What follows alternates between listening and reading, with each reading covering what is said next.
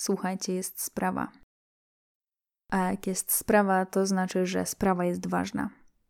Trwa właśnie zbiórka dla Patrycji. Patrycja to jest super sympatyczna dziewczyna i moja, powiedzmy, koleżanka po fachu. Prowadzi kanał True Crime Story, podcast kryminalny. No i tak jak zwykle to ona opowiada o ludzkich dramatach, to tak tym razem sprawa dotyczy jej samej. Patrycja jest ciężko chora, choroba ujawniła się 3 lata temu. Kiedyś była pracownikiem medycznym, a teraz wcale nie może pracować. Nie lubi prosić o pomoc, ale tym razem jest po prostu zmuszona. Celem zbiórki jest sprzęt graficzny, tak żeby nawet gdyby choroba postępowała, to mogła normalnie zarabiać. Ale jeśli uda nam się wpłacić więcej, to być może będzie w stanie spłacić zadłużenie pokoju w hotelu pracowniczym, w którym mieszka. Jestem pewna, że skoro interesuje Was tematyka mojego podcastu, to jesteście na pewno dobrymi, wrażliwymi na krzywdę innych ludźmi. Link do zbiórki podam w opisie. The crime you two planned was indeed perfect. Only the victim is alive and the murderers are not. It's a pity you didn't know when you started your game of murder that I was playing too.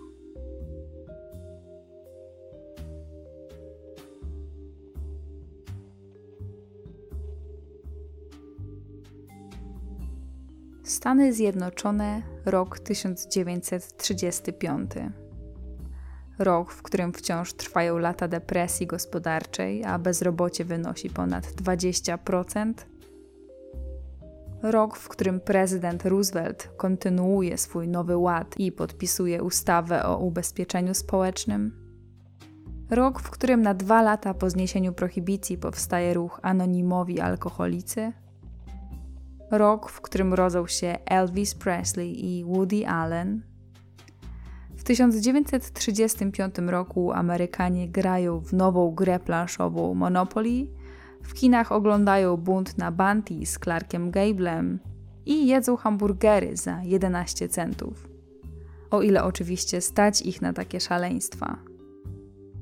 W 1935 roku, a dokładnie to 18 grudnia 1935 roku, hollywoodzki aktor Charlie Chase, jak każdego poranka, przeglądał pocztę. Jak to bywało w okresie świątecznym, napływały kolejne kartki z życzeniami. Jednak jedna z tych kartek szczególnie się wyróżniała. Kiedy zajrzał do środka, nogi się pod nim ugięły. Wesołych świąt i szczęśliwego nowego roku dla ciebie, Charlie. Podpisano Velma Todd. No i nie byłoby w tym nic zaskakującego. W końcu za kilka dni miało być Boże Narodzenie, a Velma była jego koleżanką z pracy. Tak, wszystko byłoby w porządku. Gdyby nie fakt, że Telma już od dwóch dni nie żyła. Co się stało 16 grudnia i dlaczego sprawa śmierci Thelmy Todd do dziś budzi tyle kontrowersji? W tej historii będą święta Bożego Narodzenia, hollywoodzkie imprezy, mafia i wielka zagadka. Czyli w sumie wszystko, żeby zrobić na jej podstawie świetny film. Aż dziwne, że taki nie powstał. Dziś zaczniemy od cofnięcia się w czasie. Przenosimy się na chwilę o 29 lat wstecz, kiedy to w kanadyjsko-irlandzkiej rodzinie w USA rodzi się dziewczynka Velma Alice Todd. Drugie imię dostaje po matce i już właściwie od dnia narodzin to właśnie matka jest jej najlepszą przyjaciółką. Nie była to rodzina bogata, ale zdecydowanie stawiali na edukację. Ojciec był starostą niewielkiego miasta w stanie Massachusetts i wymyślił sobie, że jego córka zostanie nauczycielką. To był solidny zawód, idealny dla kobiety. Telma wyróżniała się jednak spośród innych dziewczyn przyuczających się do zawodu. Była zjawiskowo piękna, miała bujne blond włosy, delikatną urodę i szeroki uśmiech, który nigdy nie schodził jej z twarzy. Matka chciała, by Telma była kimś więcej niż tylko nauczycielką. Zachęcała córkę do brania udziału w konkursach piękności. I tak dwudziestoletnia Telma zdobyła tytuł Miss Stanu. Jak nie trudno się pewnie domyślać, taki tytuł otworzył jej okno na świat. Już wcześniej kilka razy statystowała przy krótkometrażowych niemych filmach, ale teraz na widowni dostrzegł ją pewien łowca talentów. Wysłał jej zdjęcia do studia Paramount w Hollywood i cóż, tak zaczęła się jej kariera aktorska. Najpierw w krótkometrażówkach, ale potem w nieco większych produkcjach studia Paramount, głównie w komediach. Kiedy produkcja filmów z dźwiękiem zwiększyła się, to Telma, jak nie wszystkie aktorki tamtych czasów, przetrwała próbę dźwięku. Nadal była na szczycie. Pracowała z aktorami z najwyższej półki, Busterem Keatonem, braćmi Marks i Zaysu Pitts. Ta ostatnia stała się jej przyjaciółką. W 1931 roku Telma zagrała w oryginalnej adaptacji Sokoła Maltańskiego. W sumie szkoda, że nikt o niej do dzisiaj nie pamięta. W latach 30. uchodziła za symbol seksu, była jedną z najpopularniejszych kobiet w całym Hollywood. Mówiło się na nią Hot Toddy albo Ice Cream Blonde. Co z życiem prywatnym? Była typem kobiety, którą pewnie wtedy nazywano feministką takim nietypowym połączeniem piękna i inteligencji. Wiedziała, czego chce, robiła karierę, spotykała się z kim chciała i w sumie średnio interesowało ją, co sobie pomyślą o tym inni. Niektóre źródła, w tym jedna z biografii, idą o krok dalej. Jeden z biografów długi rozdział poświęca na opisywanie skandali z jej udziałem, jak imprezowała w najsłynniejszych barach Los Angeles, podrywała facetów spod ciemnej gwiazdy i rozbijała studyjne samochody. Nie wiem na ile było w tym prawdy, ale z pewnością nie miała szczęścia do lokowania swoich uczuć. W 1932 roku poznała agenta filmowego Pata Di Cicco, przystojnego bruneta, który wpadł na nią przypadkiem podczas swoich wakacji w Los Angeles. Od razu ujrzała w nim mężczyznę swoich marzeń. Pobrali się potajemnie w lipcu 1932 roku. Niestety małżeństwo okazało się katastrofą. Krótko po ślubie wyszło na jaw, że jest brutalem nie tylko wobec samej Telmy, ale również w towarzystwie jej przyjaciół i rodziny. Tymczasem Telma potajemnie mieszała pigułki uspokajające z potężnymi dawkami alkoholu. Co więcej, Patowi nie podobało się życie w monogami, ani myślał rezygnować z innych kobiet. Romansował m.in. z inną hollywoodzką gwiazdą, aktorką Lucille Ball. Telma nie pozostawała mu dłużna. Jakoś pod koniec małżeństwa z Patem nawiązała romans ze starszym od siebie, żonatym reżyserem Rolandem Westem. West nie był może jakoś szczególnie mocno znany, no nie był w topce tych najlepszych reżyserów w Hollywood, ale kręcił pierwsze filmy noir w latach 20. i 30. i dorobił się na tym małej fortunki i sporego terenu na wzgórzu nad Pacyfikiem ale jeśli chodzi o tę jego znajomość z Telmą, to źródła mówią mi różnie. Zdecydowana większość pisze, że to był romans, ale inni, że to była bardzo bliska przyjaźń. No więc nie wiadomo, czy ta znajomość miała charakter erotyczny. Wiemy na pewno, że łączyła ich jakaś bardzo silna zażyłość. Po kolejnej domowej awanturze, którą Pat skończył ze złamanym nosem, a Telma z pilnym przyjęciem do szpitala w celu usunięcia wyrostka robaczkowego, para postanowiła się rozwieść. Do rozwodu doszło po dwóch latach małżeństwa, w 1934 roku. Oficjalny powód rozwodu niezgodność charakterów oraz okrucieństwo Pata. Facet nawet nie zaprzeczał. Nieoficjalnie mówiło się, że filmowym agentem był tylko z nazwy, że tak naprawdę nie przyjechał do Los Angeles na żadne wakacje, a że był przemytnikiem dla mafii. Ale wciąż były to tylko nieoficjalne plotki. Coś, co szeptało się do ucha stojąc w kolejce po obiad w studyjnej stołówce albo odpalając papierosa podczas omawiania scenariusza. Tymczasem znajomość Thelmy z Rolandem Westem nie słabła. Właściwie to przeciwnie, jeszcze bardziej się do siebie zbliżyli. Wszystko dlatego, że Thelma była trochę zmęczona graniem w filmach. Do tej pory wystąpiła już w ponad 100 produkcjach. Z drugiej strony wiedziała, że bycie na szczycie to kwestia czasu. Miała już 28 lat, co w tamtych czasach oznaczało, że lada moment znajdzie się jakaś młodsza, piękniejsza i bardziej roześmiana młoda aktoreczka, która zgarnie jej pozycję w Paramount. Kilka razy żaliła się w gazetach, że nikt w studiu nie traktuje jej poważnie.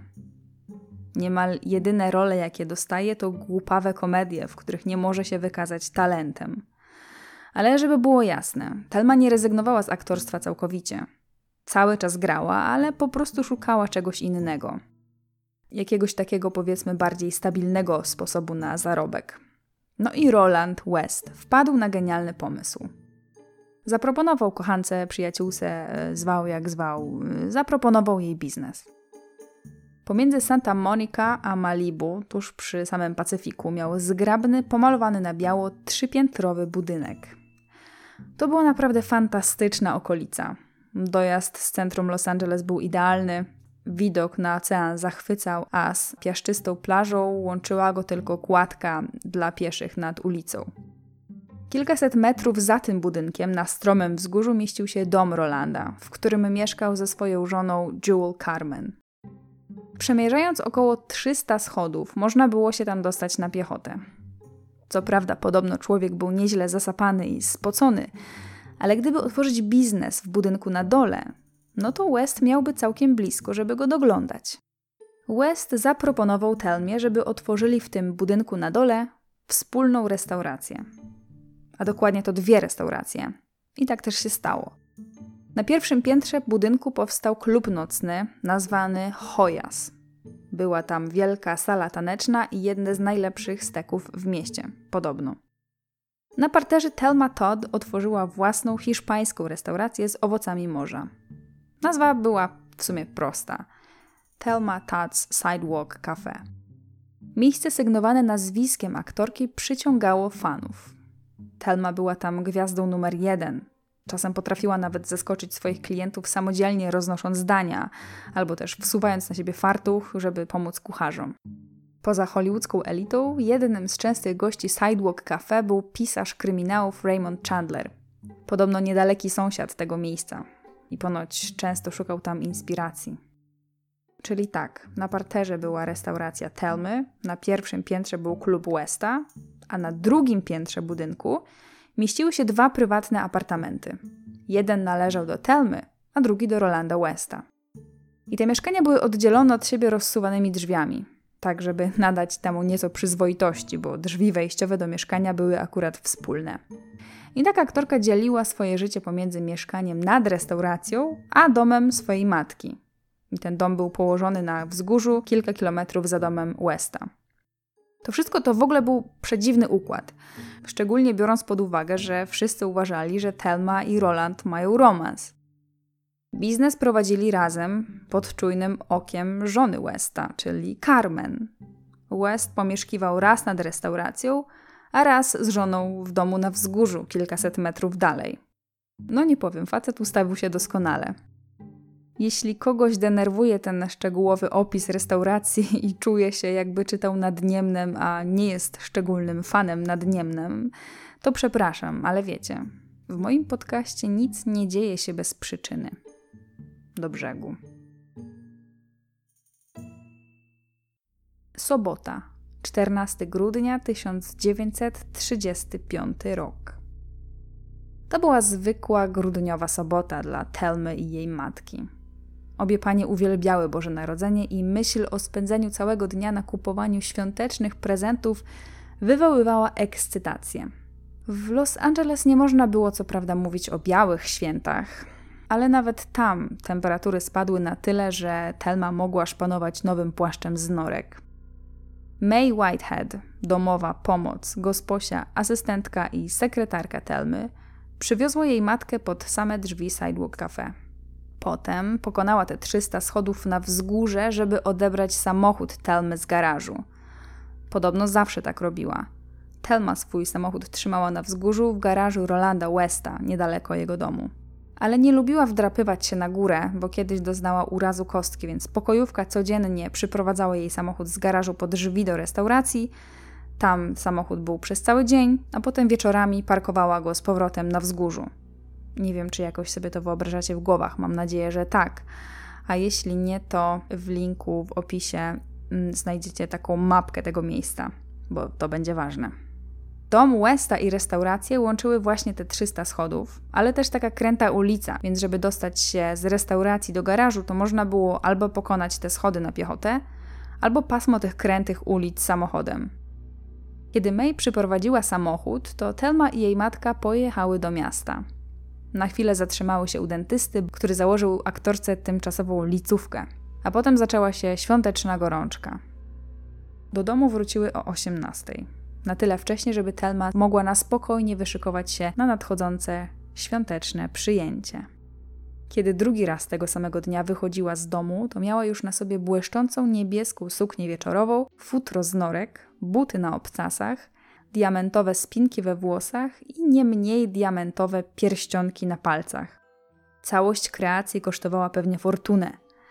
Schowała kluczyk do swojego apartamentu do torebki i pożegnała się z Rolandem. Miał jej wtedy podobno powiedzieć: Tylko wróć przed drugą w nocy.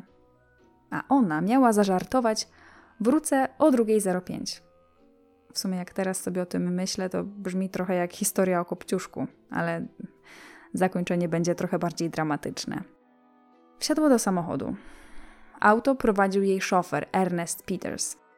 Nie prowadziła sama, bo planowała pić. Nie był to też jej samochód, a samochód wytwórni. Do Trocadero dotarli o 20.30.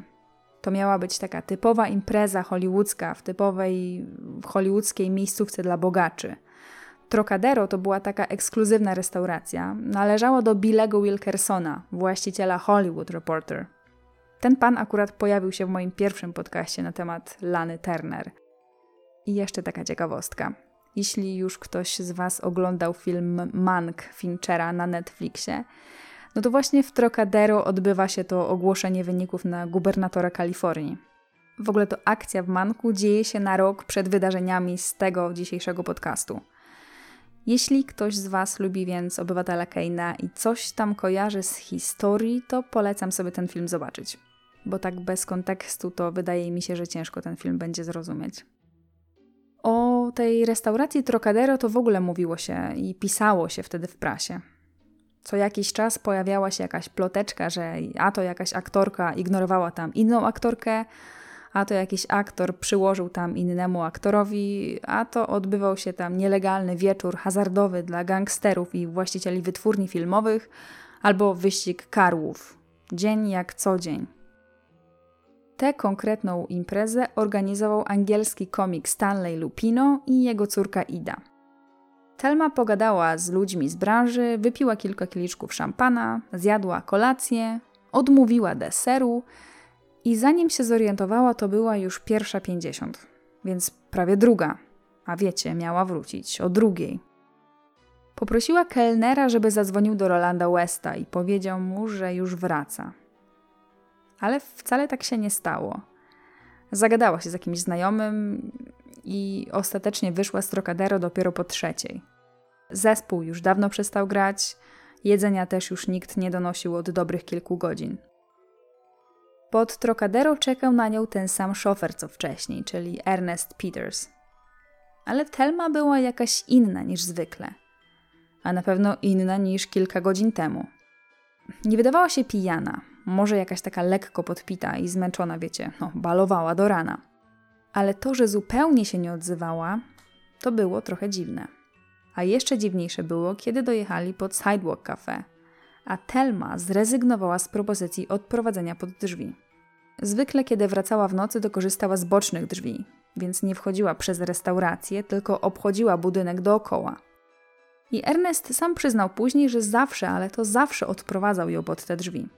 Tym razem jednak chciała ponoć iść sama. To był ostatni raz, kiedy ktokolwiek widział Telmę Tad żywą. Poniedziałek, 16 grudnia. Jak co rano w dni robocze pokojówka May Whitehead odbywała swój stały rytuał. Na piechotę poszła na tereny Rolanda Westa, żeby jak zwykle przeparkować samochód Telmy z garażu pod drzwi restauracji przy głównej drodze, tak żeby Telma mogła sobie korzystać z niego w ciągu dnia. To był naprawdę zimny i wietrzny weekend. Temperatury spadły do 3 stopni, co no, nie było codziennością w Los Angeles.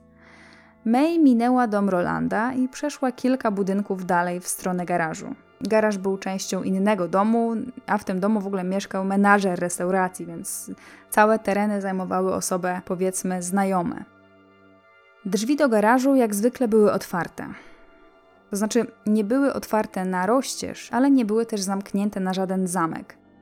Ludzi trochę dziwiło, że dwa samochody, jeden Telmy i drugi Westa, zawsze były zostawione w otwartym garażu, w dodatku z kluczykami w stacyjkach. Ale no najwyraźniej oboje uważali, że okolica jest na tyle prywatna i bezpieczna, że nikt niepowołany się tam nie dostanie. A jeśli już dostanie, to ktoś na pewno go zauważy.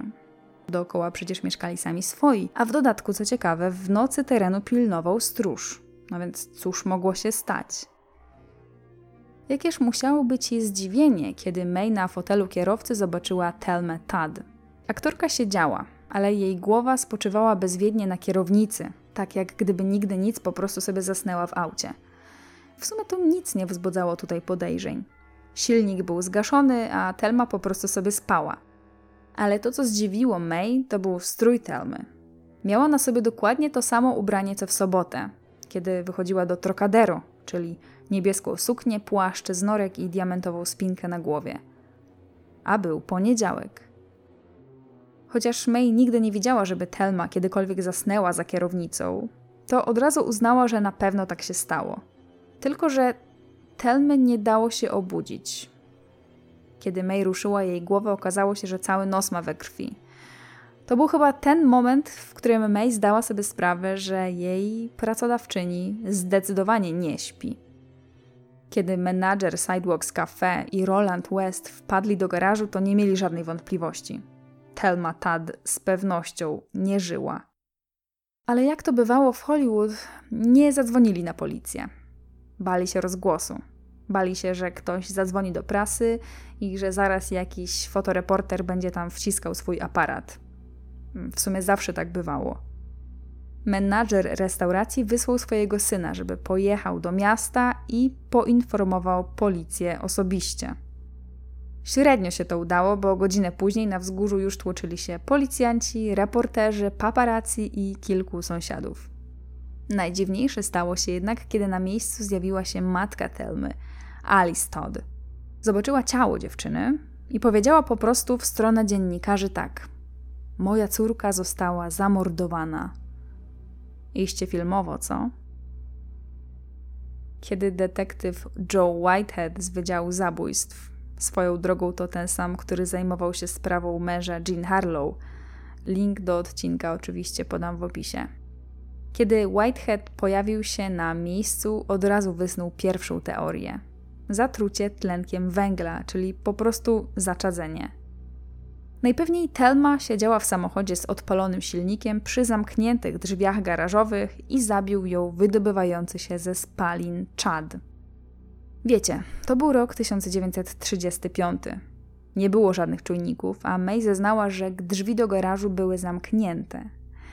Nie było przepływu powietrza, więc detektywi od razu zasugerowali nieszczęśliwy wypadek. Takie rzeczy zdarzały się na porządku dziennym – być może Telma zgubiła klucz, nie mogła się dostać do domu i postanowiła przeczekać te kilka godzin w aucie. A że temperatury były minusowe, no to odpaliła silnik, żeby się ogrzać. Czemu po kogoś nie poszła? Czemu nikogo nie obudziła? Czemu na przykład nie pojechała do matki? No cóż, był środek nocy. Może nie chciała robić nikomu kłopotu, może się wstydziła, może była zbyt zmęczona, może była zbyt pijana. Teorii było wiele ale żadna nie uwzględniała tego, że Telma nienawidziła wdrapywania się po tych przeklętych schodach na wzgórze. Ona nigdy, ale to nigdy nie bywała w tym garażu osobiście. Ale dowody wskazywały na to, że tego dnia rzeczywiście tam poszła, a raczej tej nocy. Na ciele nie znaleziono żadnych śladów walki, poza krwią na ustach i nosie oraz e, spuchniętą wargą. Detektywi od razu odrzucili napad rabunkowy. Skąd ta krew? Być może uderzyła głową w kierownicę, wtedy kiedy traciła przytomność. W zbiorniku było sporo paliwa. Na oparciu fotela był kurz. Kolejny dowód na to, że w aucie raczej nie miała miejsca żadna szarpanina. Co więcej, nic nie zginęło. Obrączka z diamentami, którą nosiła pomimo rozwodu, pierścionki, spinki, zegarek z diamentem, broszki na płaszczu wszystko było na swoim miejscu. Dokładnie w takim samym stanie co w sobotę. Jej fryzura była nieskazitelnie ułożona, jakby dopiero wyszła z salonu piękności. Buty zupełnie niezdarte, idealnie czyste. Gdyby ktoś nie wiedział, że nie żyje, to naprawdę mógłby uznać, że po prostu śpi. Tuż obok jej ciała znaleziono torebkę, a w środku torebki papierośnice, szminkę, chusteczki do nosa i klucz. Klucz do bocznego wejścia do apartamentu. Tak, ten klucz. Skoro więc miała klucz do mieszkania, to po jakiego grzyba miałaby wdrapywać się na wzgórze, żeby spędzić noc w garażu? Dobre pytanie. Kiedy na miejsce przyjechali ludzie z kostnicy, musieli się przedzierać przez wielki tłum ludzi, którzy już zdążyli się przed tym garażem zgromadzić. Każdy chciał uchwycić na zdjęciu chociaż kawałek ręki, skrawek włosa denatki, chociaż jedną łezkę na twarzy Rolanda Westa. Co najdziwniejsze, na miejscu pojawił się też Pat DiCicco, były mąż Telmy. Kiedy jej ciało trafiło do kostnicy na zbadanie, to kapitan Clark z Wydziału Zabójstw LAPD rozpoczął dochodzenie.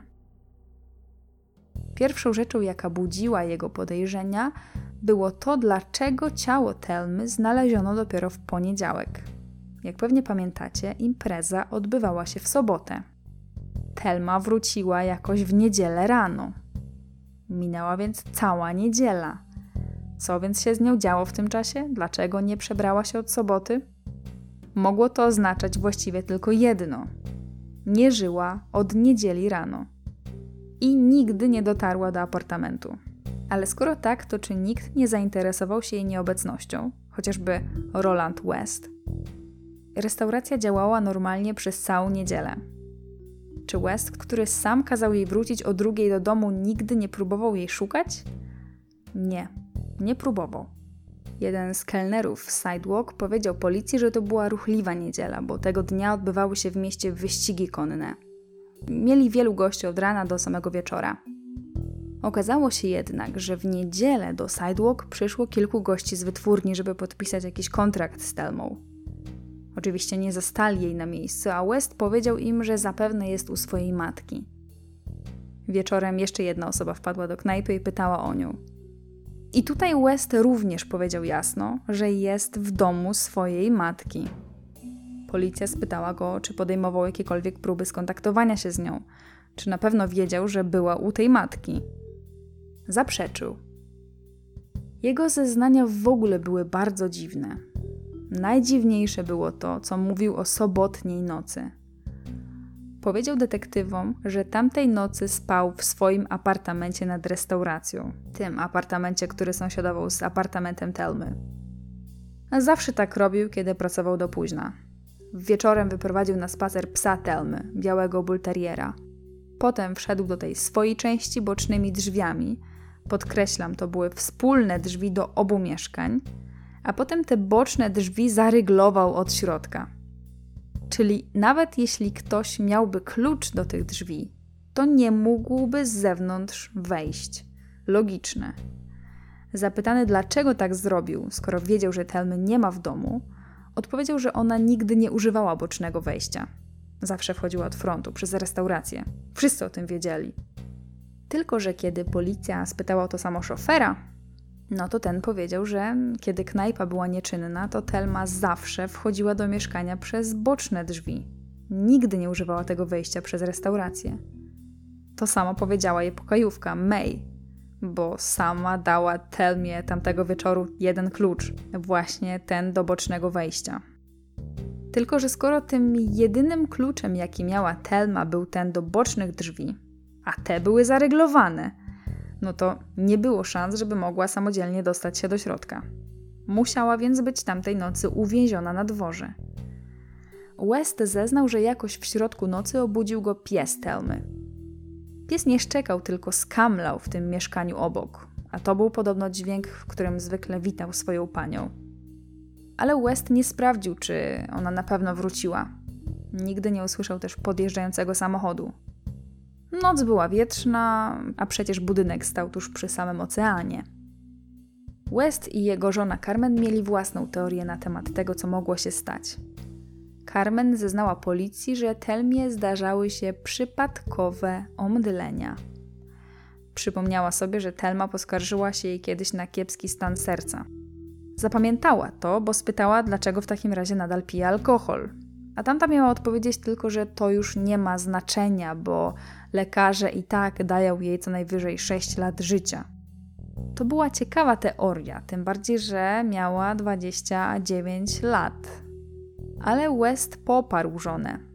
Zasugerował policji, że być może Telma wcale nie zmarła na wskutek samego zatrucia, ale przez samą wspinaczkę po schodach.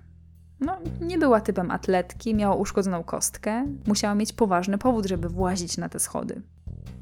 Tamtej nocy była po kilku głębszych. Może po prostu jej serce nie wytrzymało takiego wysiłku?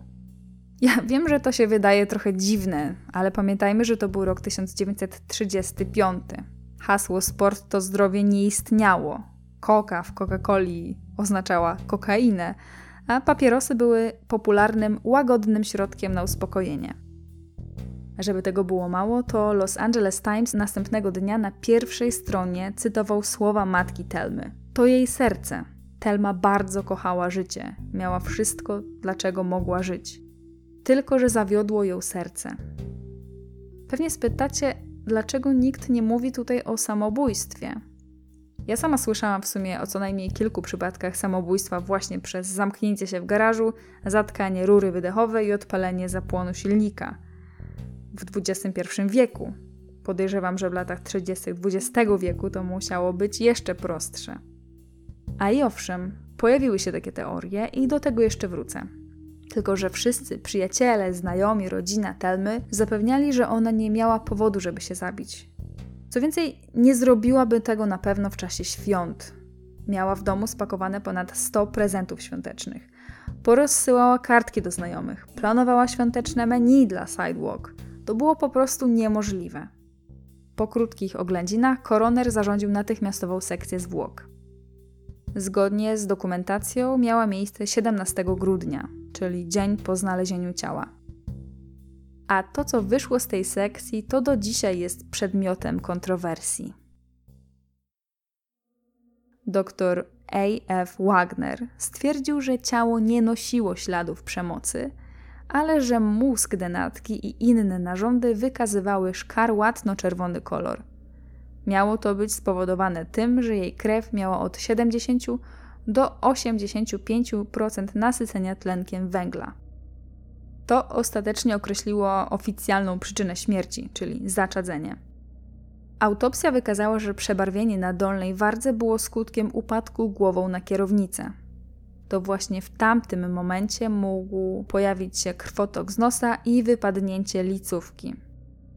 Krew mogła też wypłynąć samoistnie, na wskutek nasycenia krwi gazem. Lekarz wykluczył uderzenie, upadek czy jakąś inną siłę zewnętrzną. Śmierć nastąpiła według niego pomiędzy 6 a 8 rano w niedzielę 15 grudnia. Musiało to być więc kilka godzin po tym, jak szofer podrzucił ją pod restaurację. I teraz najdziwniejsze elementy, które znalazłam w dokumentacji z sekcji. Po pierwsze, po przebadaniu serca okazało się, że ona była okazem zdrowia. Absolutnie nie miała żadnych problemów z sercem, a już z pewnością niemożliwe było to, żeby lekarze dawali jej kilka lat życia. Możliwe więc, że albo West i jego żona coś ściemniali, albo im się coś pomyliło, albo to Telma ich oszukała, albo to był jakiś błąd lekarski. Nie wiem. Wiem jednak, że na pewno to zamknęło usta dziennikarzom, bo już rozpisywali się, że Telma na pewno zmarła na zawał serca, tak samo jak jej ojciec kilka lat wcześniej. Kolejną dziwną rzeczą był poziom alkoholu we krwi. W momencie badania wynosił 0,13 promila, co znaczyło, że w chwili śmierci z pewnością musiał być dużo, dużo wyższy a jeśli był wyższy, to nie zgadzałoby się to z zeznaniami ludzi z przyjęcia, że Telma była prawie całkiem trzeźwa. Ale do imprezy zaraz wrócimy. No i ostatnie, najbardziej szokujące odkrycie.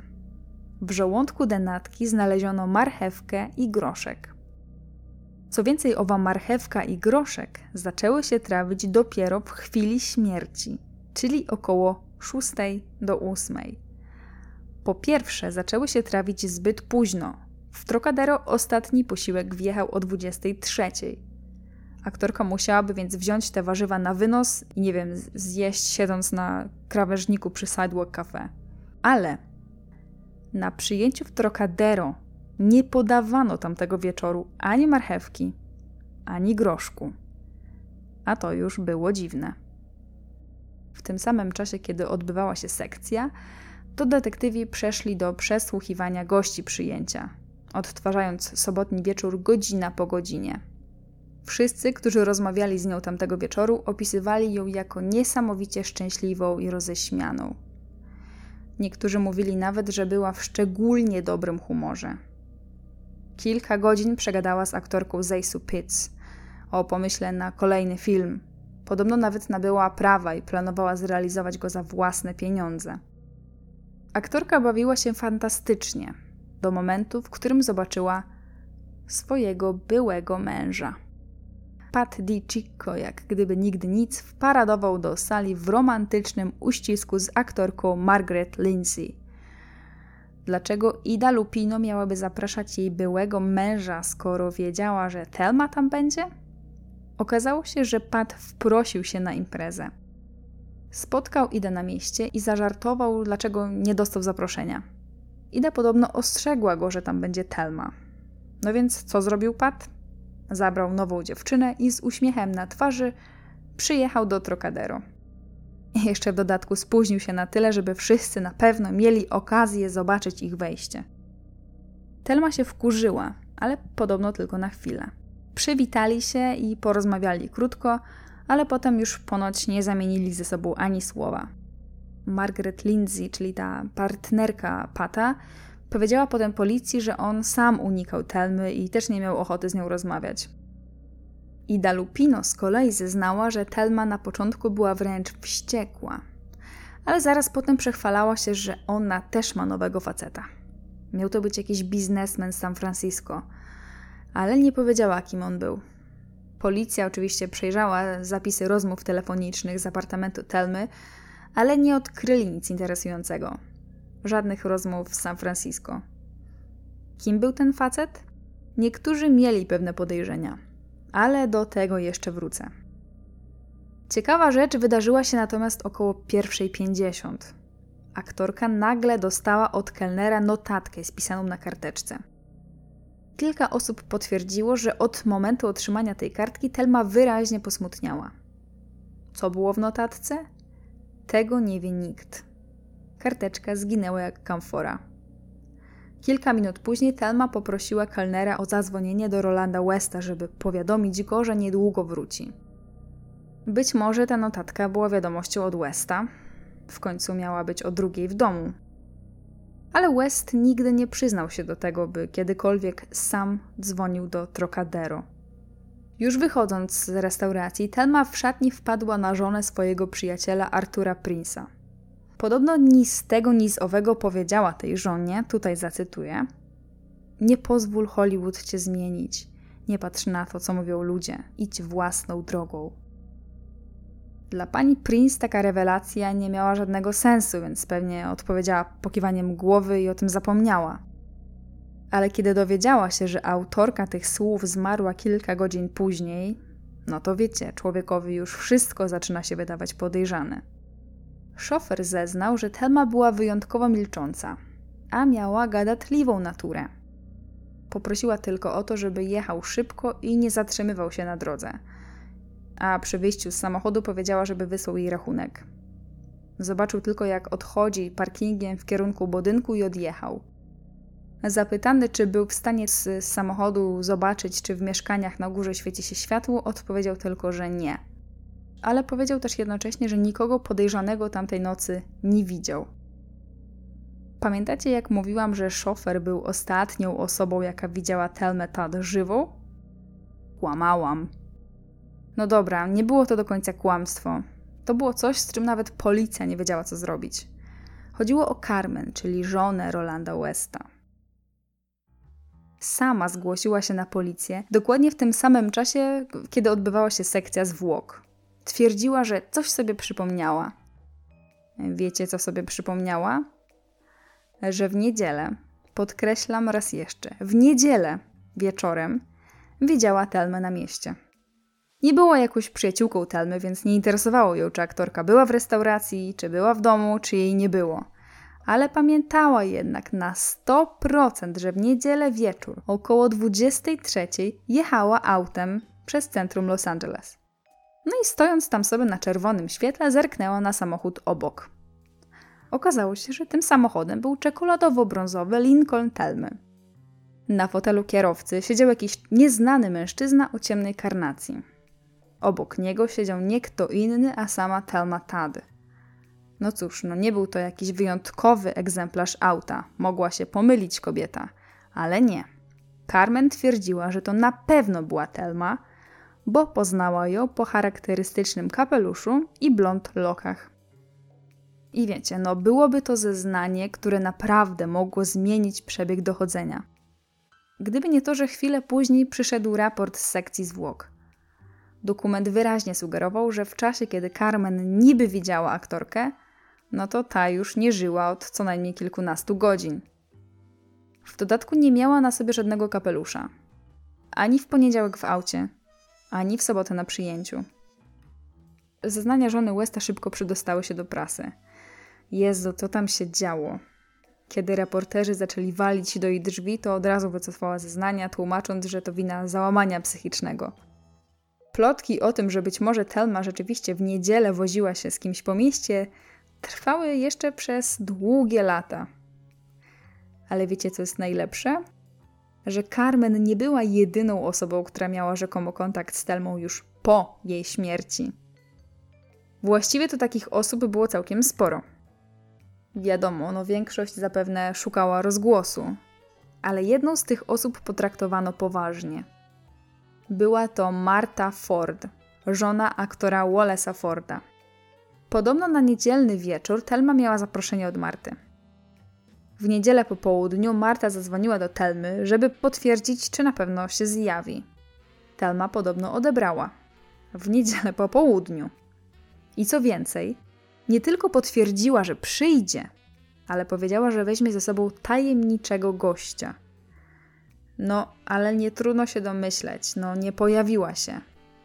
Marta poczuła się nieco urażona, więc zadzwoniła do jej mieszkania. Odebrał Roland West. Powiedział, że Telmy nie ma w domu, ale zapewne niedługo wróci.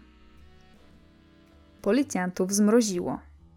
Próbowali przekonać Martę, że być może kobieta, z którą rozmawiała, to wcale nie była Telma. Ale Marta Ford była nieugięta niczym Jewel Carmen. Tutaj zacytuję. Jak odebrałam telefon, myślałam, że to moja przyjaciółka Velma, bo przedstawiła się cześć, tu Velma. Ale potem doprecyzowała. Hot Taddy.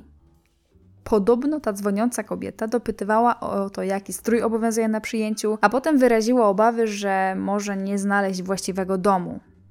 No i nie znalazła, bo nigdy się tam nie pojawiła. Dziwne, co? Jeszcze tego samego dnia Pat DiCico, czyli pan ex-mąż, zadzwonił do swojego prawnika i zapytał, czy może opuścić Kalifornię. Powiedział, że chce lecieć do Nowego Jorku na święta do swojej matki, a bilet kupił jeszcze przed śmiercią Telmy. Prawnik się zgodził. Pat nie był żadnym podejrzany, więc mógł lecieć. 17 grudnia Pat udał się na lotnisko. Oczywiście z ogonem w postaci reporterów. Jak tylko przekroczył próg holu lotniska, to go dopadli. Chcieli wiedzieć przede wszystkim, dlaczego nie zostaje na śledztwo koronera. Pat zapewnił ich, że Telma z pewnością umarła naturalnie. Tak jak gdyby zatrucie tlenkiem węgla było naturalne, nie? Powiedział też, że ma wrażenie, że wszystko, co miało wyjść, to policja już odkryła. Ale kiedy doleciał do Nowego Jorku, no to tam też czekali na niego dziennikarze.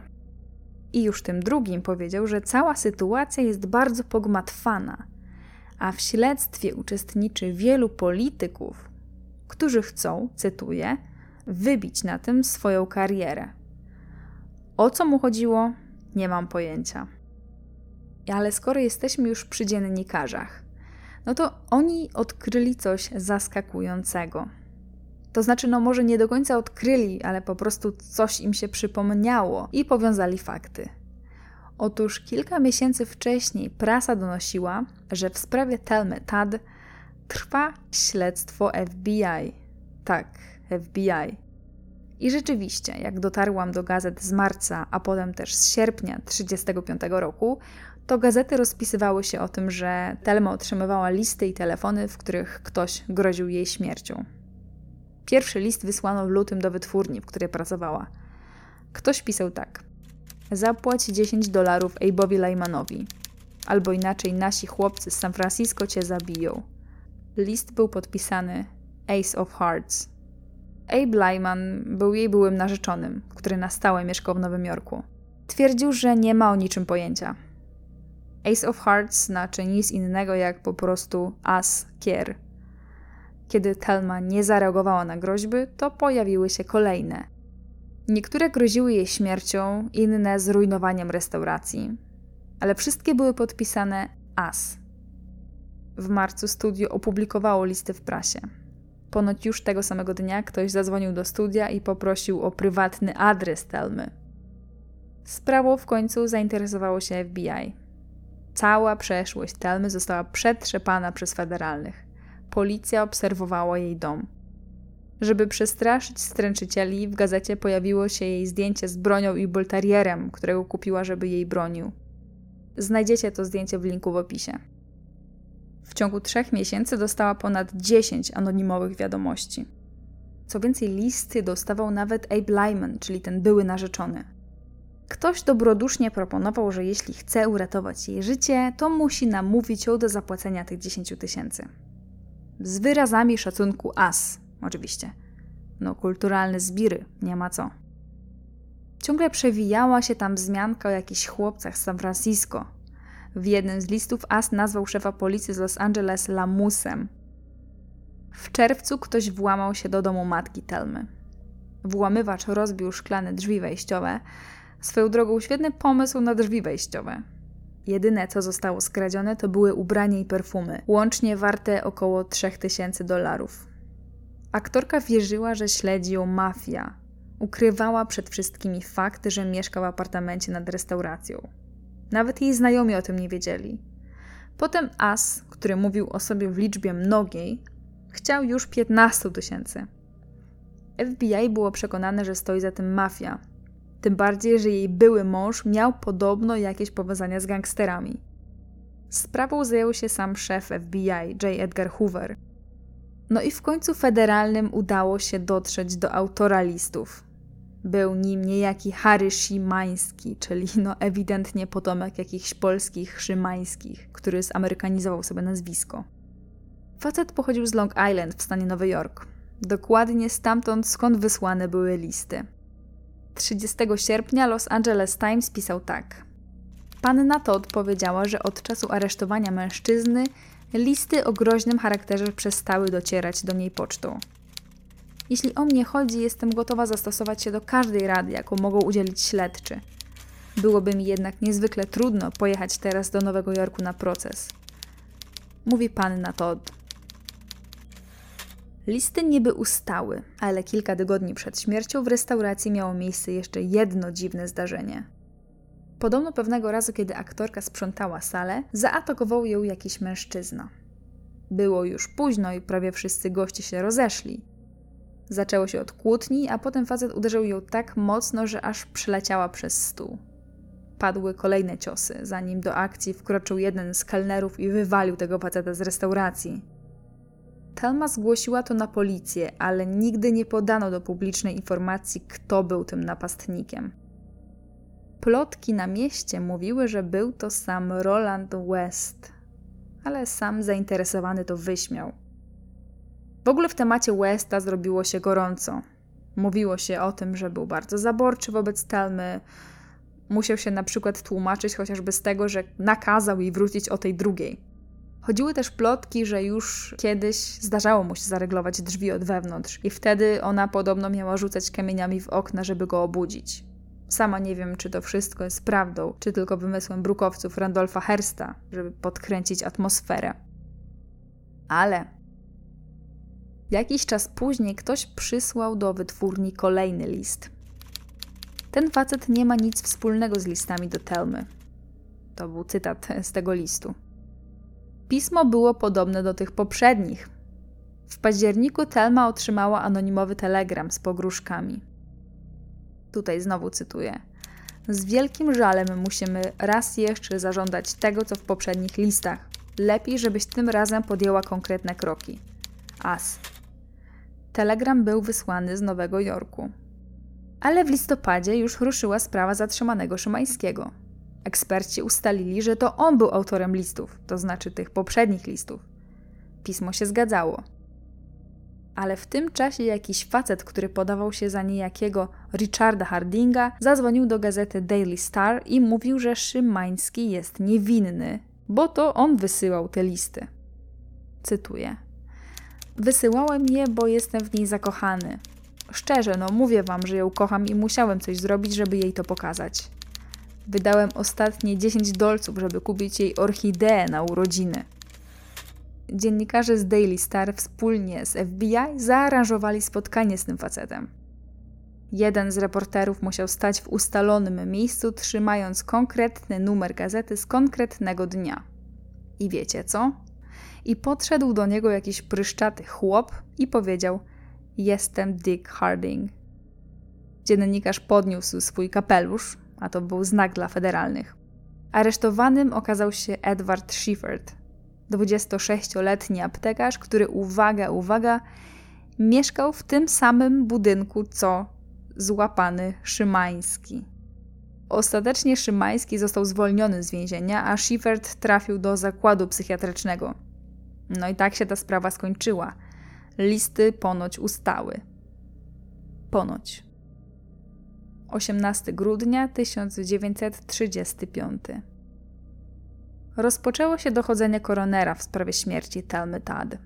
Takie dochodzenie przy udziale ławy przysięgłych pomaga określić przyczynę śmierci, ustalić, czy to była śmierć naturalna, wypadek, samobójstwo, czy może morderstwo, i trzeba przekazać sprawę do dalszego zbadania. Przepytano oczywiście wszystkich, którzy mieli w ostatnim czasie kontakt z aktorką. Westa, jego żonę, matkę Telmy, pracowników restauracji, pokojówkę, szofera i ludzi z przyjęcia. Były mąż odpoczywał w tym czasie w Nowym Jorku, bo czemu nie? Jak się okazało, późniejsze testy przeprowadzone przez śledczych wykazały, że silnik zgasł w ciągu 45 minut od odpalenia z powodu braku tlenu. Oznaczało to, że Thelma zdążyła umrzeć już w niecałą godzinę od znalezienia się w aucie. Na rozprawie pojawił się też ekspert od samochodów, który dokładnie wytłumaczył, jak sekunda po sekundzie doszło do tego od strony technicznej, ale pozwólcie, że nie będę w to wnikać. Jeśli ktoś będzie potrzebował szczegółów, to piszcie, a podeślę screeny z książki. Ciekawym odkryciem wartym wspomnienia był wniosek, że Telma najprawdopodobniej próbowała się z tego samochodu wydostać i najpewniej była do samego końca świadoma tego, że umiera. Jak się okazało, poza zbadaniem samego samochodu, przebadano też dokładnie ubrania Telmy. I tutaj dokonano bardzo ciekawego odkrycia. Jedna z policjantek założyła podobne buty co Telma i udała się w identyczną wędrówkę schodami po wzgórzu. Okazało się, że kiedy dotarła do garażu, to jej buty były znacznie bardziej brudne niż nieskazitelnie czyste buty Telmy. Można się oczywiście tutaj kłócić, że Telma je po prostu zdjęła, żeby jej było wygodnie, ale nie, bo stopy Telmy również były czyste. Wiecie, to nie były jakieś kamienne schodki, to były drewniane schody, a część tej drogi prowadziła przez zwykłą ścieżkę. Co więcej, to wszystko w ogóle było nad brzegiem oceanu, więc wszędzie wokół było całkiem sporo piachu. Buty Telmy z pewnością nie mogły przetrwać takiego marszu i być w tak idealnym stanie. No chyba, że je starannie wyczyściła w garażu. Ale co w takim razie z ubraniami? Okej, okay, może podwinęła sobie suknię do góry, żeby jej nie zabrudzić podczas wędrówki. A może zamiast iść schodami, Telma wybrała tą drogę naokoło. Jak już mówiłam, nie wiem czy pamiętacie, do garażu prowadziły dwie drogi. Jedna schodami stromo na wzgórze, a druga krętą ulicą. Ta druga droga była dużo, dużo dłuższa, ale mniej stroma i przede wszystkim asfaltowa. Jest szansa, że Telma poszła dookoła, ale czy ktoś, kto nienawidził wysiłku fizycznego, decydowałby się na taki spacer? W środku nocy, po alkoholu, po całej nocnej imprezie, w butach na obcasie i w ciężkim płaszczu z norek. Nie wiem. I jeszcze te włosy. Nawet na zdjęciach możemy zobaczyć, że jej fryzura wygląda nieskazitelnie. May zeznała, że fryzura Telmy wyglądała zupełnie tak jak w sobotni wieczór. Na pewno nie tak, jakby miała za sobą długą wędrówkę w wietrzną noc nad brzegiem Pacyfiku. Koroner próbował też ustalić, dlaczego Thelma w ogóle nie trafiła do mieszkania i o co chodziło z tymi drzwiami i kluczem. Świadkowie, czyli Roland i May, wytłumaczyli, że do jej apartamentu prowadziły te dwa wejścia, główne przez restaurację i boczne, wspólne do obu mieszkań jej i Rolanda. Przy Telmie znaleziono wyłącznie jeden klucz, właśnie do tego bocznego wejścia. West wysnuł teorię, że Telma próbowała wejść bocznym wejściem, ale nie mogła się dostać, więc zamiast próbować go obudzić, no to poszła się przespać w aucie. Charles Smith, skarbnik restauracji, który mieszkał tuż nad garażem, zeznał, że nie spał do 3.30 nad ranem.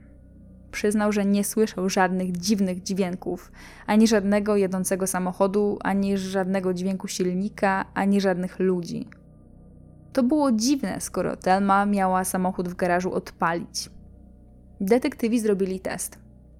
Okazało się, że odpalając samochód w garażu, no to w domu Smitha słychać go średnio, ale słychać. Wszystko oczywiście zrzucono na szalejące fale, wiatr i wiek skarbnika. Miał 70 lat, więc mógł już słuch szwankować, nie?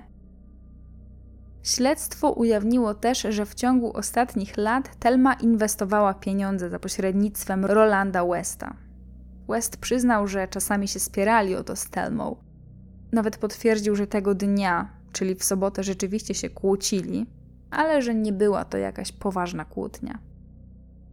Na to odezwał się prawnik Telmy, Ronald Button. Powiedział, że jest pewien, że ktoś z obecnych na sali wie, co się wydarzyło i powinien to powiedzieć. Dodał też coś, co wywołało prawdziwą sensację. Otóż Telma była nachodzona przez mafię. I nie miało to podobno nic wspólnego z tymi pogróżkami i chorym psychicznie facetem, który trafił do szpitala dla obłąkanych. Podobno mafiozi, tym razem ci prawdziwi mafiozi, chcieli zamienić jej restaurację w nielegalne kasyno, a ona się na to nie zgadzała. Ale po co w ogóle mafia miałaby się interesować restauracją jakiejś aktorki? Już wam mówię, jak to było. Kiedy w 1933 roku zniesiono prohibicję, a to głównie na przemycie alkoholu dorobiła się amerykańska mafia, no to gangsterzy szukali innych sposobów na zarobek. I chociaż wcześniej skumulowani byli głównie w Chicago i w Nowym Jorku, no to kiedy Hollywood okazało się bardziej dochodowe niż ktokolwiek przypuszczał, to gangsterzy zaczęli zjeżdżać do Los Angeles.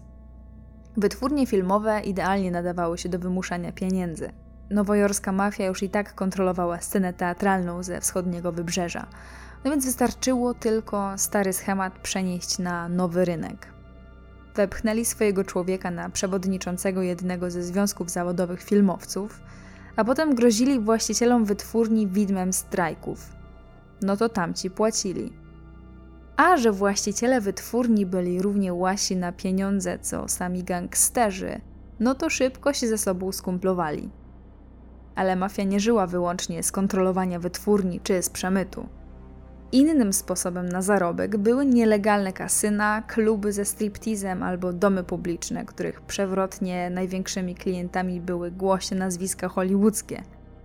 No, ale żeby otworzyć choćby takie kasyno, to nie można było tego zrobić tak oficjalnie, bo to było w Kalifornii nielegalne.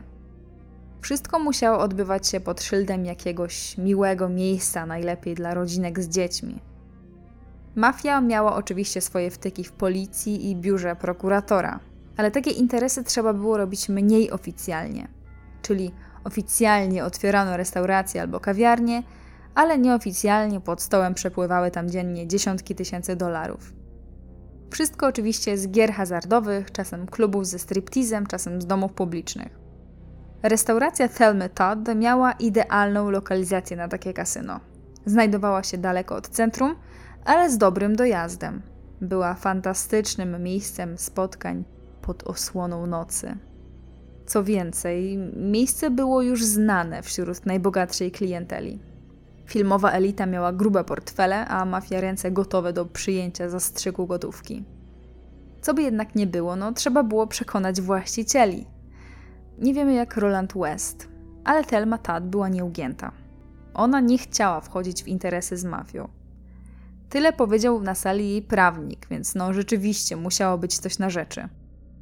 Powiedział, że pamięta, że Telma w ostatnich dniach życia była tym mocno zmartwiona. Miał wrażenie, że było coś jeszcze. Coś, co przed nim ukrywała. Zeznał, że była absolutnie przeciwna hazardowi, ale że nie wie, czy ostatecznie zawarła z mafią jakąś umowę, czy nie. No więc pojawia się kolejna teoria, która obiegła prasę, że Telma Tad padła ofiarą mafijnych porachunków. Niektóre pismaki donosiły, że utrata licówki i opuchnięte wargi były wynikiem zakneblowania tuż przed śmiercią. To przekonanie o powiązaniu ze sprawą osób trzecich tylko przybrało na sile, kiedy wyszło na jaw, że jedynemu z kelnerów z sobotniego przyjęcia w Trocadero grożono porwaniem. No.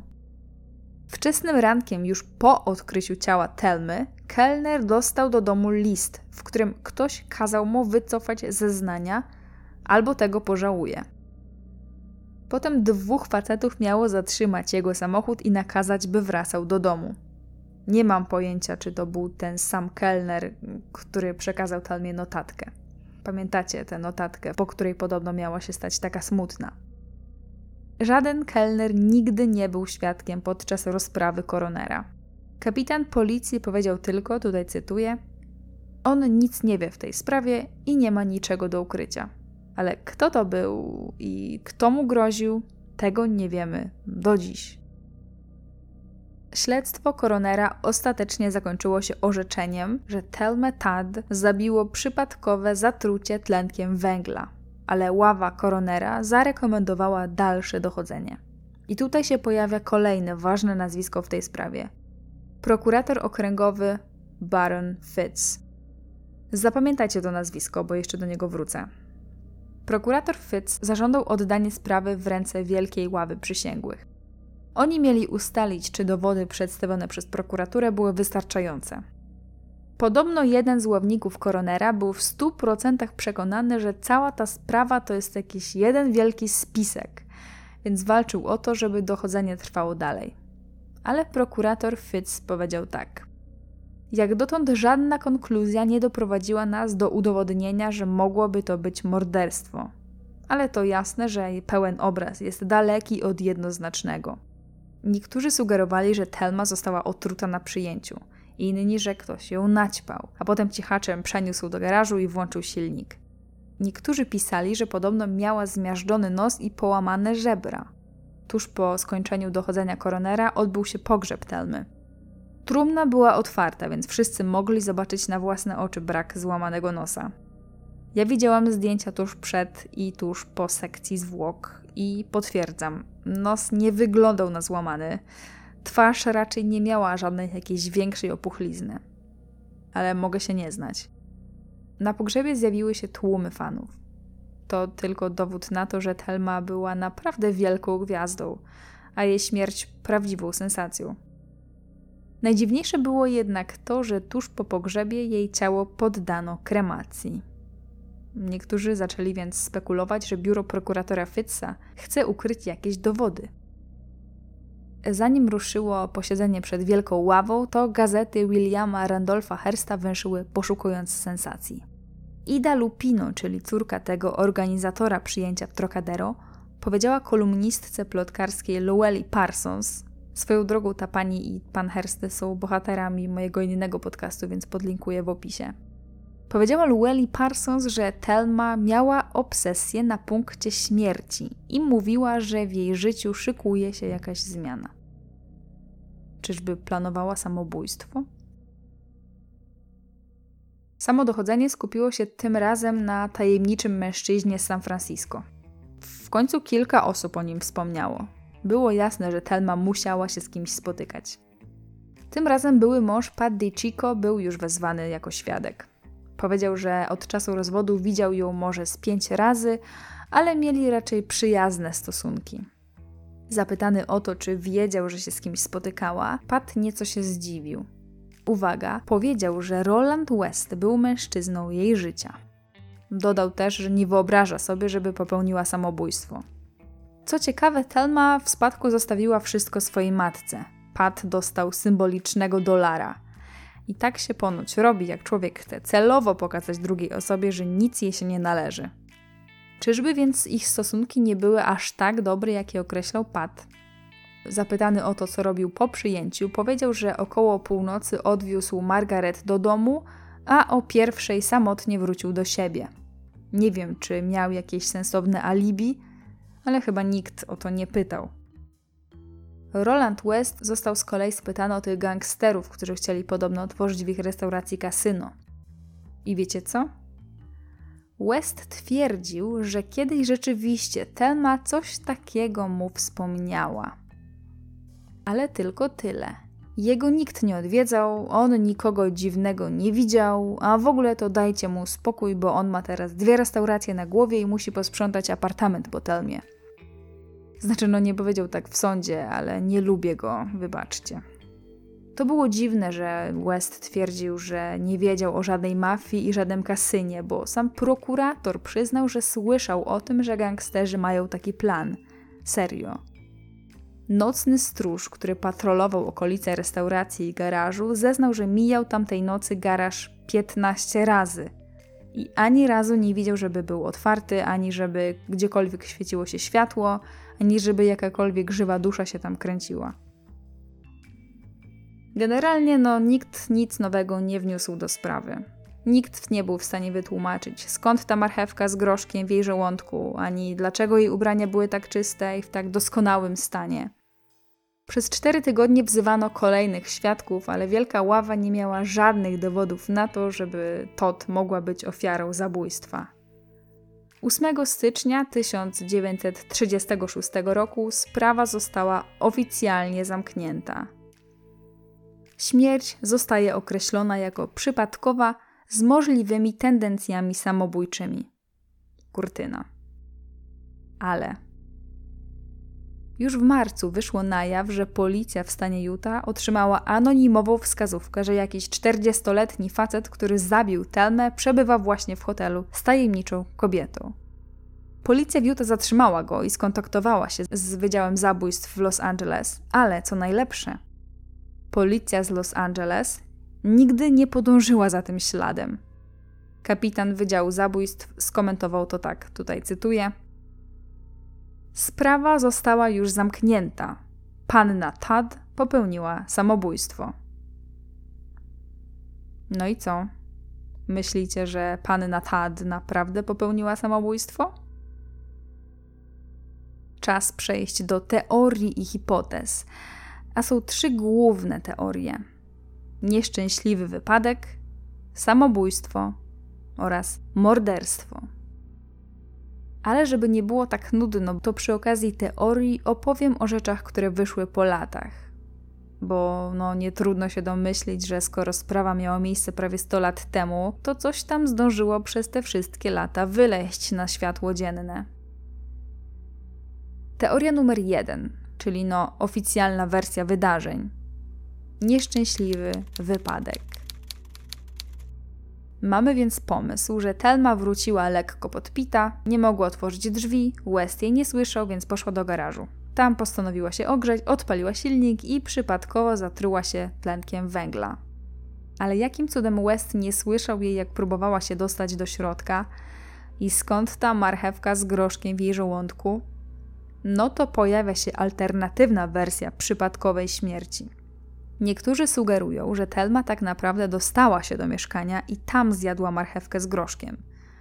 Któż z nas nie szukał skarbów w lodówce po powrocie z imprezy, niech pierwszy rzuci kamieniem.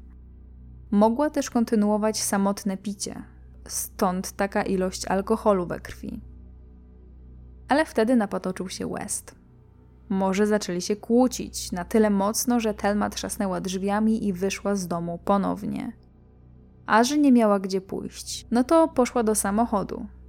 Wracamy więc do opcji, że Telma chciała przeczekać w aucie do rana i chciała się ogrzeć. Ale tu pojawia się pierwsza nieścisłość. Po pierwsze, te nieszczęsne, nieskazitelnie czyste ubrania. No, załóżmy, że Telma była tak elegancka, że jak poszła do garażu, to wyszorowała buty i poprawiła fryzurę. Okej. Okay. Ale Telma nie była głupia. Doskonale wiedziała, czym grozi zamknięcie się w garażu w odpalonym aucie. Takie wypadki zdarzały się często, a tamtej jesieni media obiegła głośna kampania, która ostrzegała przed takim przypadkowym zatruciem się tlenkiem węgla. Regularnie pojawiały się w prasie wiadomości o ludziach, którzy umierali z powodu wadliwych grzejników albo z powodu właśnie włączenia silnika samochodu w zamkniętym garażu. No dobra, załóżmy jednak, że Telma była tak zajęta łączeniem aktorstwa i prowadzeniem knajpy, że o tym nie wiedziała. Ale wszyscy, którzy znali ją lepiej, wiedzieli, że aktorka interesowała się motoryzacją. Nie żartuję. Udzieliła nawet jakiegoś wywiadu dla Boston Daily, gdzie chwaliła się swoimi trzema autami i opowiadała, jak zdarza się jej osobiście w nich grzebać. Więc czy osoba, która interesowała się samochodami, mogłaby umrzeć w tak, umówmy się, no, głupi sposób? Była jeszcze jedna ewentualność. Telma nie chciała w samochodzie przeczekać do nocy, ale chciała gdzieś pojechać. W międzyczasie zdała sobie sprawę, że jest zbyt pijana, żeby udawać się na przejażdżkę. Może po prostu zasnęła, zanim gdziekolwiek ruszyła. No ale w takim razie, dlaczego garaż był zamknięty? Nie wiem. Przejdźmy do teorii numer dwa. Samobójstwa. Ok, mamy kilka zeznań, że Thelma miała obsesję na punkcie śmierci. Mamy kilka zeznań, że planowała jakieś wielkie zmiany. To, że akurat miała w Trocadero doskonały humor, to mógł być właściwie potwierdzenie tego. Bardzo często osoby, które podejmują decyzję o samobójstwie na chwilę przed tym, wydają się być wyjątkowo szczęśliwe. Wiemy, że spotkanie z byłym mężem ją zdenerwowało. Zobaczyła swojego byłego w towarzystwie innej. Być może nadal go kochała, skoro cały czas nosiła obrączkę, pomimo że minęły prawie dwa lata od rozwodu. Wiemy, że w Trocadero dostała jakiś tajemniczy liścik. Wiemy, że całą drogę powrotną milczała. Wiemy, że odmówiła odprowadzania pod drzwi. Może już wtedy podjęła decyzję o odebraniu sobie życia? Może Roland West naprawdę nie słyszał, jak próbuje wejść do mieszkania, bo nigdy nie próbowała tego zrobić? Może od razu wdrapała się po schodach do garażu? To mogłoby też tłumaczyć, dlaczego wyglądała tak nieskazitelnie. Może naprawdę wyczyściła buty i poprawiła fryzurę. Wiecie, żeby jej odnalezione ciało wyglądało jak najbardziej perfekcyjnie. Dlaczego miałaby chcieć się zabić? No, to był dla niej ciężki rok. Była w centrum śledztwa FBI, zastraszali ją gangsterzy. Może było coś jeszcze, o czym nie powiedziała nikomu. Może. Ale poza Idą Lupino, która zeznała o jej obsesji śmierci, to większość jej znajomych i własna matka mówiły, że była szczęśliwa. Biznes się rozkręcał, planowała sfinansować własny film, miała właśnie podpisać kontrakt z wytwórnią, miała jakiegoś tajemniczego faceta w San Francisco – co więcej, planowała święta. Kupiła choinkę, miała zamiar zorganizować Sylwestra w restauracji, a bagażnik jej samochodu wciąż był pełen bożonarodzeniowych prezentów. Była we wspaniałym nastroju na przyjęciu i nawet były mąż zepsuł ten humor tylko na krótką chwilę. Poza tym groszkiem i marchewką w żołądku nie pasowała tu jeszcze jedna rzecz. Telma przy każdej możliwej okazji pisała listy. Była z tego po prostu znana. Cały czas pisała do krewnych i znajomych, wysyłała kartki świąteczne do każdego, kogo znała. Samobójstwo bez napisania listu pożegnalnego, bez pozostawienia jakichkolwiek wyjaśnień, po prostu było do niej niepodobne. Przechodzimy więc do ostatniej teorii zabójstwo. Od początku wokół śmierci Telmy Todd uwaga mediów skupiała się na dwóch facetach. Kochanku Rolandzie Westie oraz byłym mężu Pacie Di Chico. Zacznijmy może od tego pierwszego. West od początku strasznie kręcił. Wiedział, że nie wróciła do domu, a całą niedzielę przekonywał wszystkich, że jest u matki. Nie próbował jej szukać przez cały dzień. Zaryglował drzwi do mieszkania, chociaż wszyscy twierdzili, że planowała właśnie tymi drzwiami wejść do domu. Był wobec niej zaborczy, wiele osób to mówiło. Jak to możliwe, że nie słyszał, jak próbowała dostać się do środka? Tym bardziej, że jak sam twierdził, obudził go w nocy jej pies. Zejsu Pitts sama uważała, że to albo West, albo któryś z jego współpracowników zaczaił się na nią tamtej nocy i ją zabił, a potem upozorował wypadek.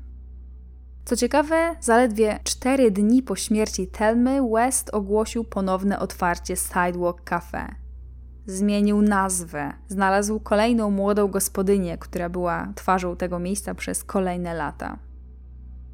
Może tak naprawdę wpuścił ją do domu, może nawet zjedli tę przeklętą marchewkę z groszkiem, może coś wypili, a potem omsknęła mu się ręka.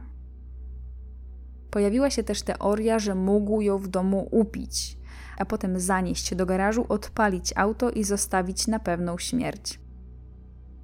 Dlaczego nikt go nie widział i nie słyszał? Bo to były jego tereny. Z łatwością mógł przekonać za odpowiednią opłatą zarówno stróża nocnego, jak i tego menadżera, który mieszkał na górze. Nic prostszego. Ale po co miałby ją zabijać? Na to są dwie teorie. Pierwsza z nich jest zazdrość. West po prostu dowiedział się, że Thelma ma jakiegoś tajemniczego faceta z San Francisco. Ale mi osobiście druga teoria wydaje się bardziej wiarygodna. West zapewniał, że nie wiedział nic o żadnej mafii i żadnym kasynie. To znaczy nic poza tym, co powiedziała mu Thelma. Mi się średnio chce w to wierzyć. Przede wszystkim dlatego, że to on był oficjalnym właścicielem budynku. Do kogo mieliby się zgłosić gangsterzy, którzy chcieliby omówić biznesy? Do aktorki, która była twarzą tego miejsca, czy do faceta, który był właścicielem budynku? Jest więc teoria, że West dogadał się z mafią w sprawie kasyna. Pozostało tylko przekonać jakoś do tego jedyną osobę, która stała im na przeszkodzie. Śledczy z biura prokuratora wydali oświadczenie, że mieli informację, że w Sylwestra Sidewalk Cafe miało być otwarte nielegalne kasyno. Do Sylwestra pozostały zaledwie dwa tygodnie, więc jak to możliwe, że West o niczym nie wiedział? Znalazłam teorię, że tej nieszczęsnej nocy West dogadał się z mafią i wspólnie czekali na Telmę. Być może to wcale nie miało się zakończyć jej zabiciem. Może to miało być takie kulturalne przekonanie jej, jak powinna postąpić.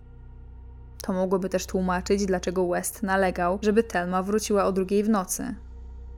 Może gdzieś po drodze wszystko wymknęło się spod kontroli.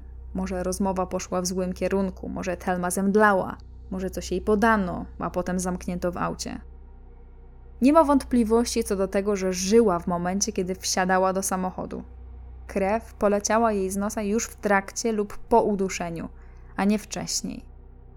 Dochodzi też żona Westa, która najpewniej okłamała policję, że widziała Telmę w niedzielny wieczór.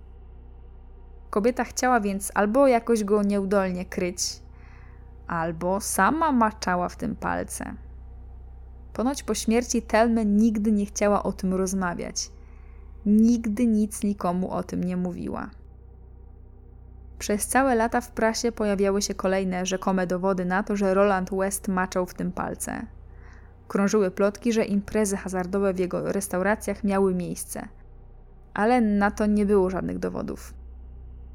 Co więcej, wyszło też na jaw, że dzień po pogrzebie Telmy jej matka dostała anonimowy list. Cytuję: Czas na panią, pani Todd. Dajemy pani tydzień na skontaktowanie się z nami przez Timesa. Dopadliśmy ją, dopadniemy i ciebie. Podaj swój numer telefonu, żadnych gliniarzy. Podpisano As. As. Ten sam As, który siedział podobno w zakładzie psychiatrycznym. Oczywiście kobieta zgłosiła to na policję i sprawa wróciła do FBI. Ostatecznie autora uznano za naśladowcę oryginalnego Asa. W dokumentach FBI jest wzmianka o tym liście, ale co ciekawe, imiona i nazwiska, jakie wokół tego się pojawiły, zostały wymazane. Mówiło się jednak na mieście, że te dwa nazwiska to był Roland West oraz Rudy Schaffer, menadżer restauracji.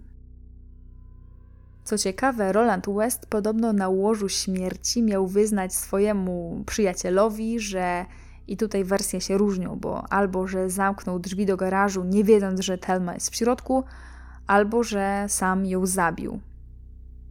Ale zawsze z przymrużeniem oka patrzę na te wyznania na łożu śmierci.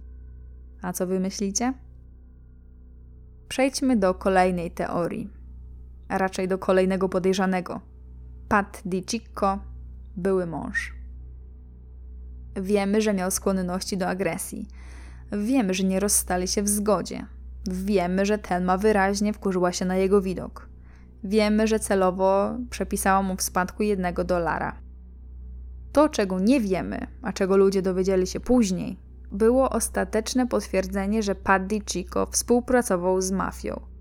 Co robił, powiedzmy, zawodowo różni się od źródła, które przeglądałam.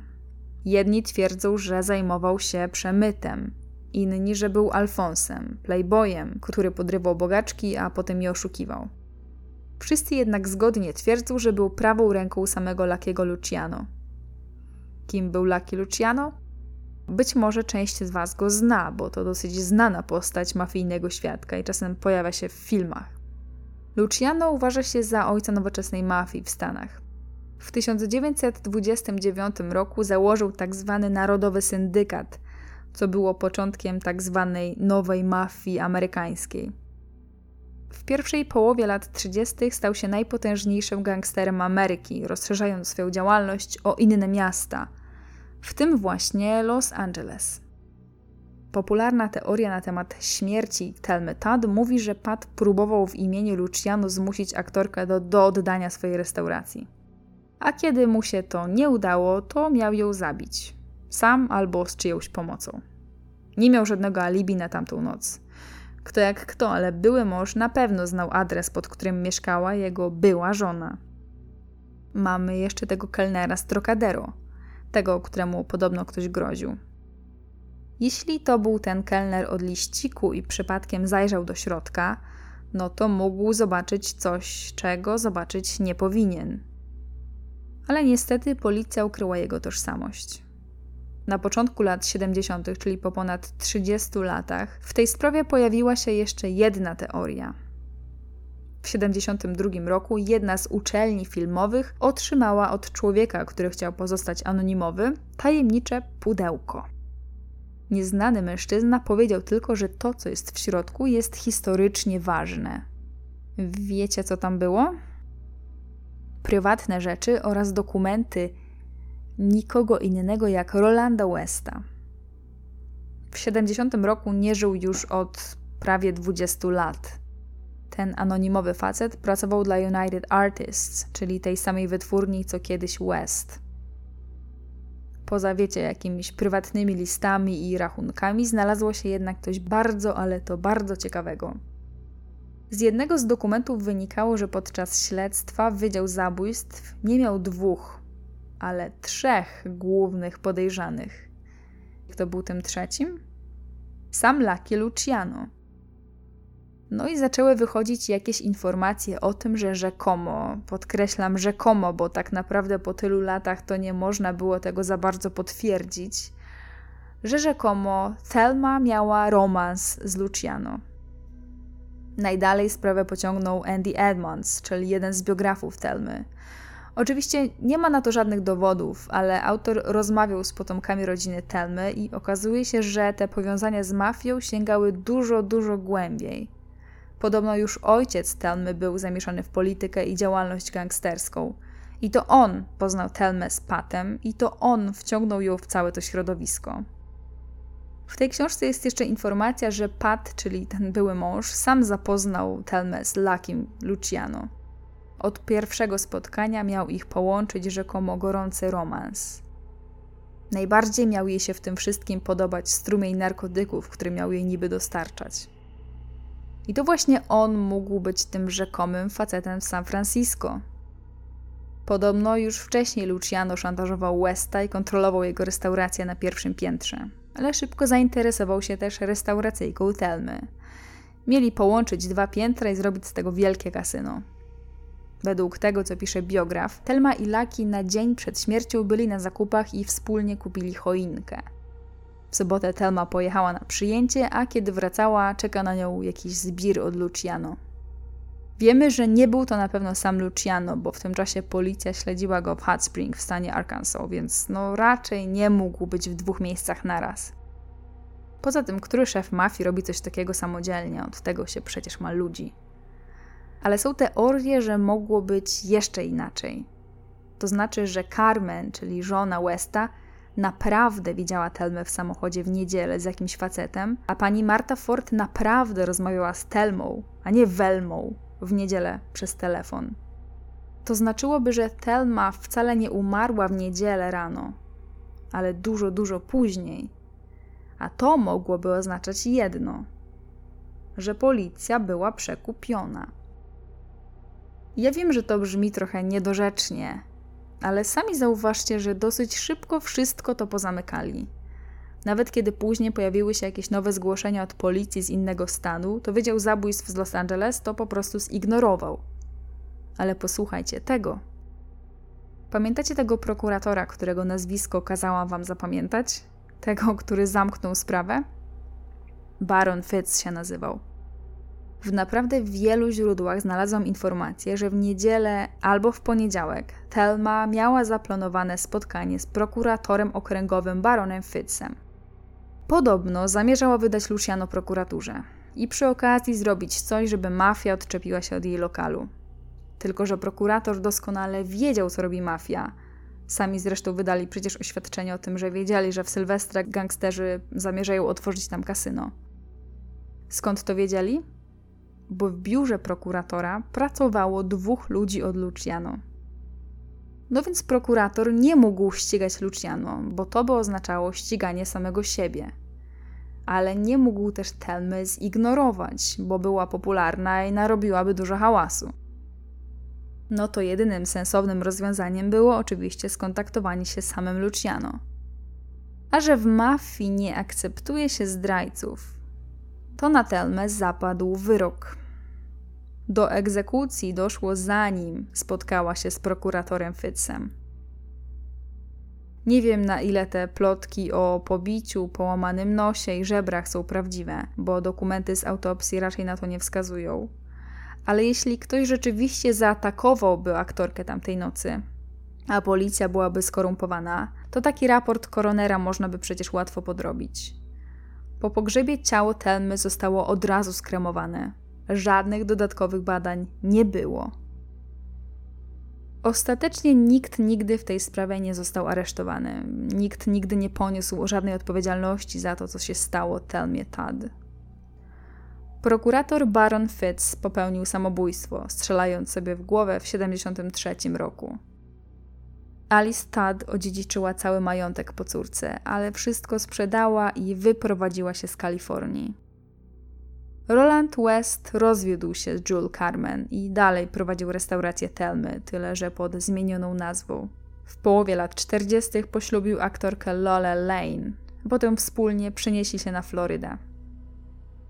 Budynek, w którym było kiedyś Sidewalk Cafe, stoi do dziś. Auto, w którym umarła Telma Todd, zostało sprzedane na aukcji. Oczywiście oficjalnie jako samochód, w którym umarła aktorka. Nawet zdjęcia jej ciała nakleili na szyby. Pisarz Raymond Chandler wpadł w obsesję na punkcie tej sprawy. To na podstawie historii Telmy Tad powstała podobno jego książka, która w Polsce wyszła pod tytułem Żegnaj laleczko. Dwa razy ją zekranizowano.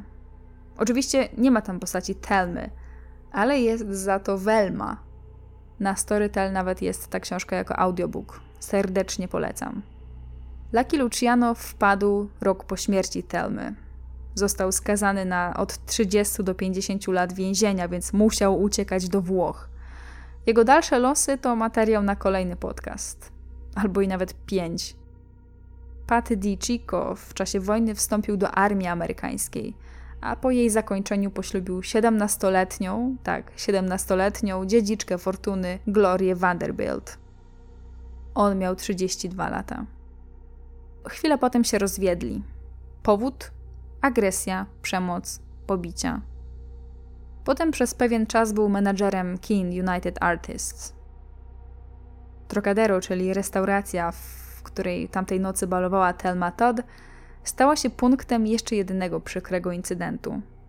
Otóż w 1937 roku na śmierć pobito tam aktora o nazwisku Ted Healy. Jednym z głównych podejrzanych był nie kto inny, jak Pat DiCicco. Ale to już materiał na kolejną mafijną opowieść. Dajcie znać, czy chcecie ją usłyszeć. No i co? To już chyba koniec opowieści o wypadku, który całkiem możliwe, że wcale nie był żadnym wypadkiem. Jak myślicie, co stało się z Thelmą Tad? Dajcie znać w komentarzach. Dzięki.